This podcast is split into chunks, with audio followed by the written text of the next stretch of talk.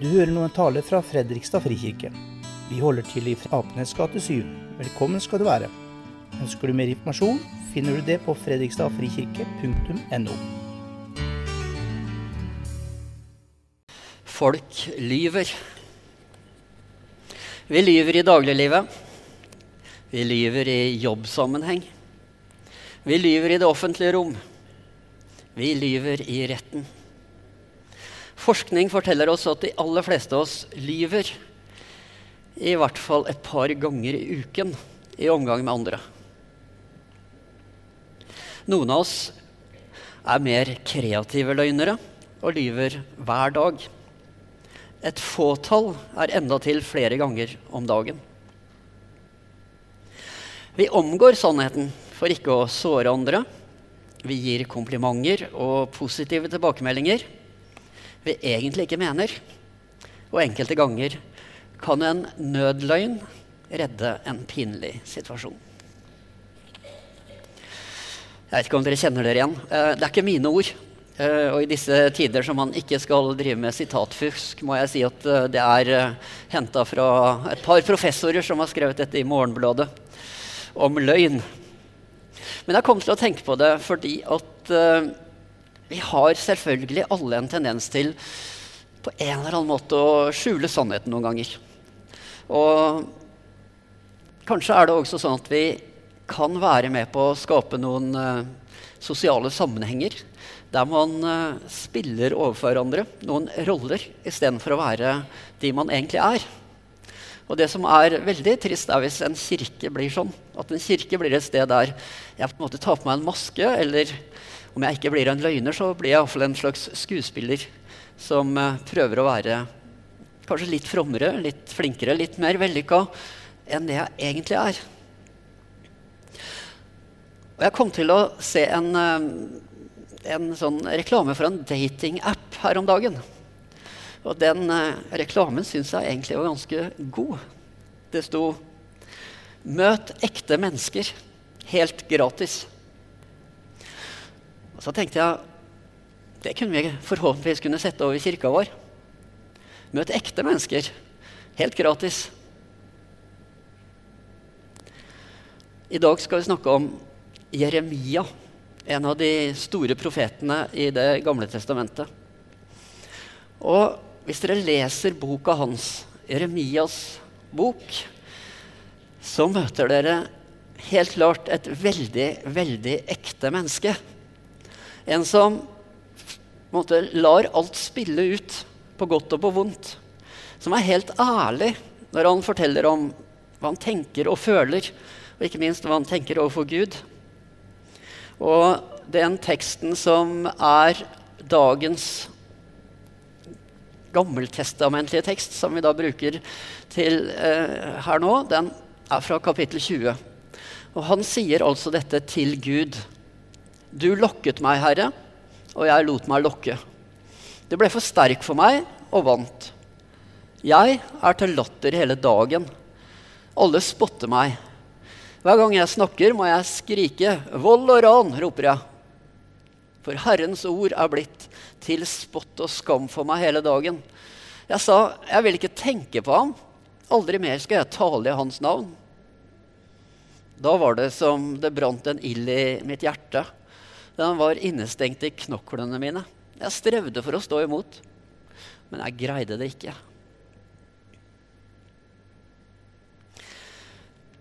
Jeremia, denne fascinerende profeten, som på mange måter er en slags tragisk skikkelse i Det gamle testamentet. Hvis man ser på livet hans. Han levde i en urolig tid. Og jeg vet at uh, Vi har snakka om dette her uh, litt flere ganger i kirken allerede nå på nyåret. men uh, F.eks. For forrige gang, men da var det så dårlig vær, så det var nesten ingen her. Så det er ikke så dumt å høre det om igjen. men han var profet i en tid der alt raste sammen i Israel. Eller egentlig i den lille delen av Israel som ennå eksisterte på denne tiden. Som bare var den sørlige delen med Jerusalem som hovedstad. Og det utspilte seg en tragedie i to akter. Fordi de var jo en bitte liten nasjon. Og det var selvfølgelig store nasjoner rundt omkring som gjerne skulle ta en bit av dem også. Legge dem under seg. Få inn skatter, få mer makt. Og nå var det babylonerne. De kommer først i 597 ca. før Kristus med sine hærer og inntar Jerusalem. Og det de gjør, er at de, de bortfører de, liksom, de høyeste blant folket, de viktigste. De innsetter en ny konge som blir deres vasallkonge. Og så trekker de seg tilbake, og de bare venter på at skattene skal komme. ikke sant? Som et underordna rike. Så går det ti år. Og I løpet av de ti årene så bygger det seg opp en slags motstandsbevegelse i Jerusalem. De vil kaste av seg dette babylonske åket, de vil ikke betale skatt lenger. Så de gjør opprør. Og Så kommer jo hele den babylonske hæren tilbake. Og denne gangen er de jo skikkelig sinte. Nå, nå skal de statuere et eksempel. Så nå tar de og inntar Jerusalem. De river ned alle murene, de river ned tempelet, de brenner tempelet. Og de bortfører hele folket, stort sett. Det er bare en liten rest som blir igjen. Dette her er det som skjer i, mens Jeremia er profet i Jerusalem. Det er et par andre av de store profetene i Det gamle testamentet som opererer samtidig. Den siste delen av Jesaja-boka er skrevet blant de bortførte i Babylon. Esekiels bok er skrevet blant de bortførte. Men Jeremia han er profet liksom, midt der i stormens øye. Når det skjer, når ulykkene rammer. Og han er ikke noen, han er ikke noen populær profet, for å si det mildt. Han kommer nemlig med et budskap fra Gud som ikke er positivt. Som ikke er sånn at 'Dette går bra, dere. Bare hold ut. Stå på.' Egentlig så sier han det motsatte. Han sier For det første, før ulykken skjer, så sier han dere må vende om til Gud, fordi at dette går galt. Dere har vendt dere bort fra Gud, og dere har skapt et urettferdig samfunn. Men de hører ikke, og så begynner katastrofen å skje. På mange måter så hadde Jeremia et liv fullt av skuffelser. Og kan kanskje minne litt om hva vi opplever også noen ganger. Men han begynte altså som ganske ung. Så fikk han kallet til å bli profet. I første gang sier han at uh, 'jeg er altfor ung. Jeg kan ikke snakke'. Men Gud sier at jo, det er du som skal være profet. Og så sier, Jeremia dette. Uh, jeg fant dine ord og spiste dem. Dine ord ble til fryd for meg og til glede for mitt hjerte. For ditt navn er nevnt over meg, Herre, herskarenes Gud. Så den første store liksom, møtet med Gud, og det er overveldende. Han spiser Guds ord. Det er til fryd. Jeg vet ikke om noen av dere kjenner dere igjen. Er det noen av dere som møtt, har møtt Gud på den måten? Kanskje de av oss som er litt uh, vel oppe i årene, uh, kan tenke tilbake liksom, den gangen det var ungdom, og første gang virkelig skjønte hva dette handla om. At du ble grepet av Gud. At Jesus ble din store begeistring og kjærlighet, og at du ville følge etter. Ja, jeg vil følge Jesus. Og litt som den første forelskelsen. Hvis du tenker liksom, Når du treffer den du virkelig begynte å elske, den store kjærligheten At dette, dette kommer til å bli helt fantastisk, dette livet som vi kommer til å få sammen. Og så skjer det jo noe etter hvert. At uh, hverdagene kommer. Uh, slitet kommer. Uh, plagene kommer. Kroppen er ikke lenger den samme. Sykdommene kommer. Livet kommer. Og så opplever vi mange at det livet er kanskje fullt av skuffelser. At denne første store, voldsomme forelskelsen og kjærligheten som har møtt seg og tenkte at vi to, vi skal Selv om alle andre roter med livet sitt, vi, vi kommer til å få et fantastisk liv. Men, men så blir det jo ikke sånn. Så ender det kanskje til og med i et brudd med de beste intensjoner. Noen kan ha opplevd det samme i forhold til Gud. Som dette store 'jeg gikk jo fullstendig inn for deg', og det var så fantastisk. Dette er hva som skjedde med Jeremia. Aldri satt jeg og mora meg i lystig lag. For din skyld satt jeg ensom, du fylte meg med harme. Men hvorfor er min smerte uten ende og såret mitt uhelbredelig? Det kan ikke leges. For meg er du blitt som en tørrlagt bekk, som vann en ikke kan stole på. Og jeg syns det er ganske imponerende. Altså, dette sier han til Gud. Og han sier ikke dette til Gud bare sånn i sitt enerom, liksom. Men han sier det til Gud. Han skriver det ned sånn at alle kan skjønne at sånn er det jeg har det. Du har blitt som en tørrlagt bekk, som vann som ikke kan stole på. Altså, en gang hadde han sagt til folket og anklaga dem for at de hadde valgt seg Istedenfor å, å komme til kilden med det levende vann, så hadde de valgt seg eh, brønner som ikke holdt vann.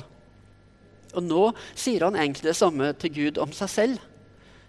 Det ble jo ikke sånn som jeg trodde Gud. Jeg trodde jeg skulle leve i denne strømmen av vann. Og så er det en tørrlagt bekk. Jeg som gikk all in. Og hva med oss? Og Jeg tror ikke alle føler det sånn. Jeg tror Jeremia var liksom en som levde så sterkt både i det gode og det dårlige, kanskje. Ehm, men noen ganger tenker jeg at venter vi for mye av Gud? Av Guds velsignelser inn i livet vårt? At vi tenker at han skal beskytte oss, sånn at vi iallfall ikke møter sykdommer som, som bryter oss ned. At vi iallfall ikke skal møte et hverdagsslit som vi ikke klarer å makte.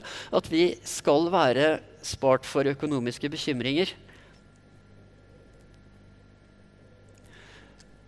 Altså, livet kommer jo. Livet treffer oss. Noen treffer det ganske hardt.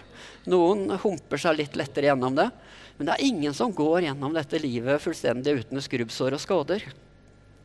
Er det Gud som har vist seg som en tørrlagt bekk. Og også hvis det er sånn i ditt åndelige liv, da, i ditt trosliv, at der iallfall skulle du alltid være den som sto fast og tydelig og sterk. Hvis du føler at egentlig så har det også blitt ganske sånn tørt og kjedelig, og hva da?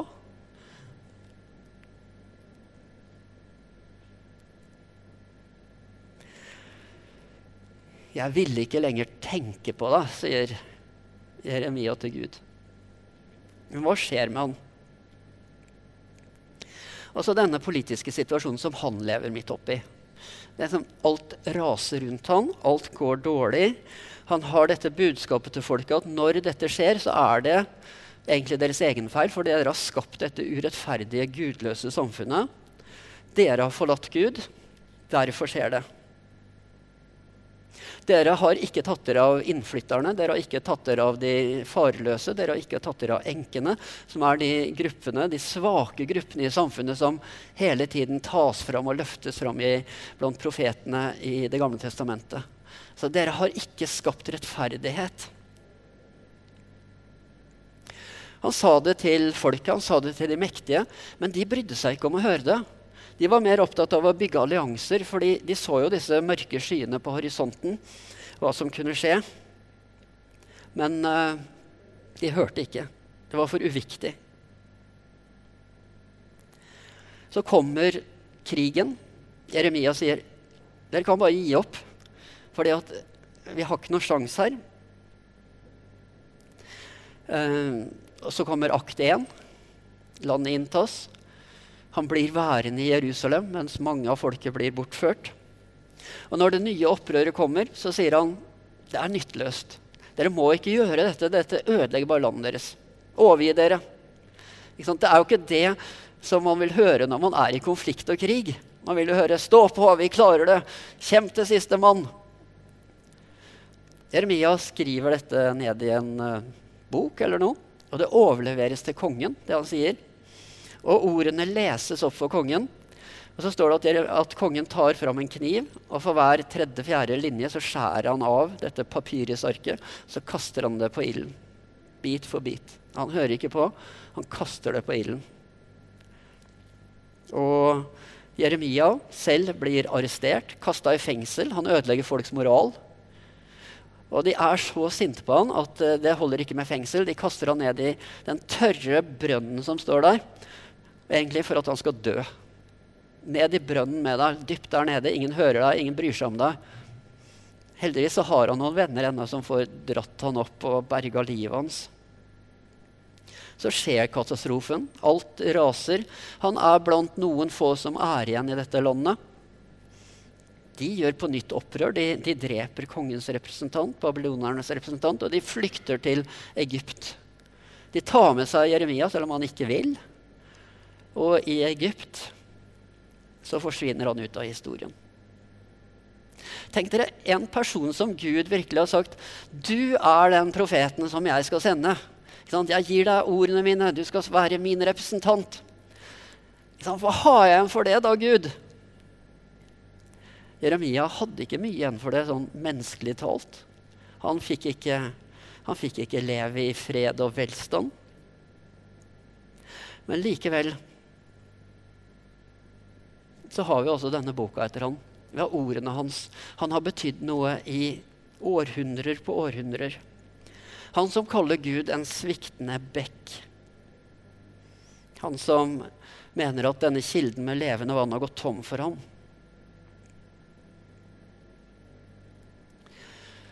Når Gud skuffer, er altså satt som en tematikk for dette.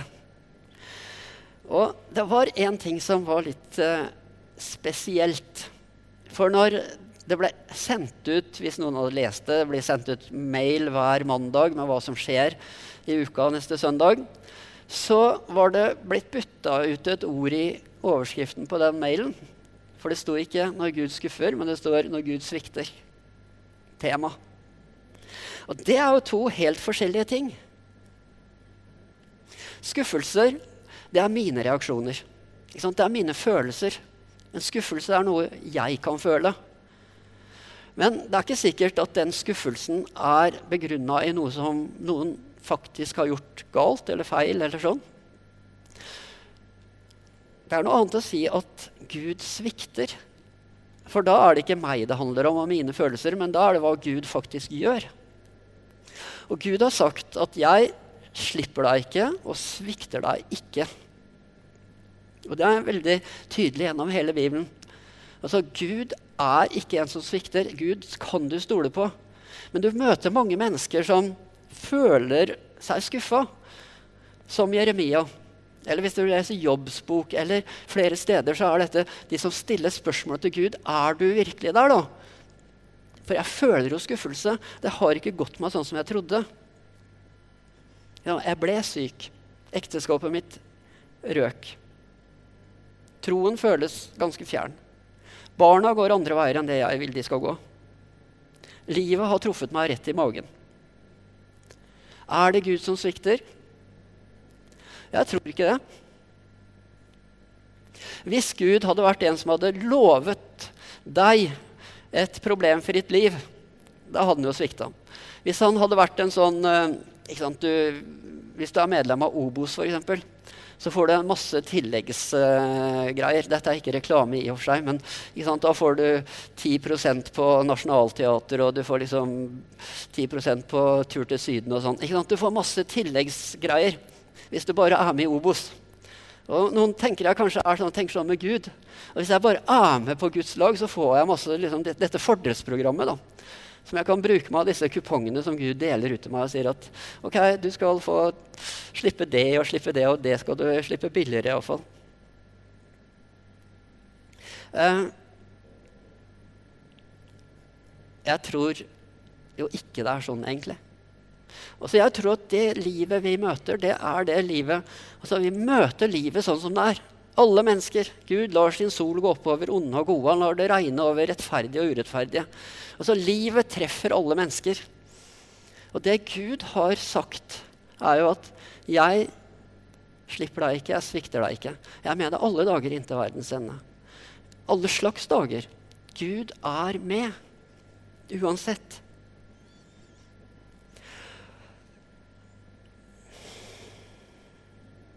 Så det er sånn det skal være. Altså Når Gud skuffer, når jeg sitter med den følelsen, det er da jeg kanskje må prøve å realitetsorientere meg sjøl og spørre hva er du skuffa for? Hvorfor? Er det fordi du egentlig tenker at Gud skal la deg skli gjennom livet? Eller er det fordi at Gud faktisk har forlatt deg når du også har det tøft? Gud svikta ikke Jeremia. Gud brukte Jeremia faktisk gjennom alle ting han opplevde. Han levde i en tøff tid. Altså Gud kunne på en måte ikke bare ta han ut, for var, han trengtes midt i den tiden. Og Noen ganger så trengs kanskje vi midt i den situasjonen vi faktisk står oppi. At det er da Gud kan bruke oss. Ikke ved å føre oss utenfor eller la oss slippe ting, men la oss oppleve livet fullt ut der vi er. Og der, nettopp der, kan vi brukes av Gud. Og Gud er hos oss hele tiden. Så kan vi på en måte slippe den bunken med fordelskuponger og tenke at den er jeg ikke så opptatt av. Men vi er kalt til å leve for Gud. Vi er kalt til å følge Jesus midt i verden, sånn som den er. Og vi har fått denne ilden i hjertet. Og jeg vet ikke hvordan Hvis du kjenner etter, liksom, brenner det i hjertet ditt? Noen ganger, kanskje. Kanskje hvis vi kjenner inni oss sjøl, så er det mer som et ulmende bål. Bare noen glør. Jeg tenker på det er en sang av Bjørn Eidsvåg som Du og jeg har en gammel drøm, en drøm som aldri dør. Og vi skal vise hele verden at det blir eh, at det blir bål av gamle glør. bål. Så folk sitter rundt. Det er det det er. Vi har dette bålet. Vi har det felles. Ikke bare hver eneste en av oss som sitter liksom er ansvarlig for at det skal flamme, men vi gjør det sammen. Og det er sammen vi også klarer å gå den veien som Jesus vil kalle oss til å gå. Så nå, pust godt inn. Liksom kjenn, det, Hva trenger et bål? Hva trenger glør for å Jo, det trenger luft. Heng, sleng på en kubbe og pust. Og så kan du, når du gjør det, tenke på en annen historie som Jeremia fortalte. En gang sa han, sendte Gud han ned til pottemakerens verksted for å se hvordan det gikk der. Og han så at uh, noen ganger så gikk de i stykker, det som pottemakeren drev og ordna med. Og hva gjorde pottemakeren da med den leiren? Tok han og hev den, altså at den var ubrukelig? Nei, han tok den på nytt, og så prøvde han å lage noe nytt av den samme. Og Sånn er det, sa Gud til Jeremia, med oss mennesker også. Noen ganger går det i stykker, men det betyr ikke at Gud har forlatt oss. Men Gud vil begynne på nytt og skape noe nytt også i våre liv. Så hvis du føler den skuffelsen dypt i hjertet ditt, så tenk, husk på at Gud svikter deg ikke. Gud arbeider fortsatt med deg, og han er den som også kan blåse liv i et hjerte som kjennes kaldt og dødt. Amen.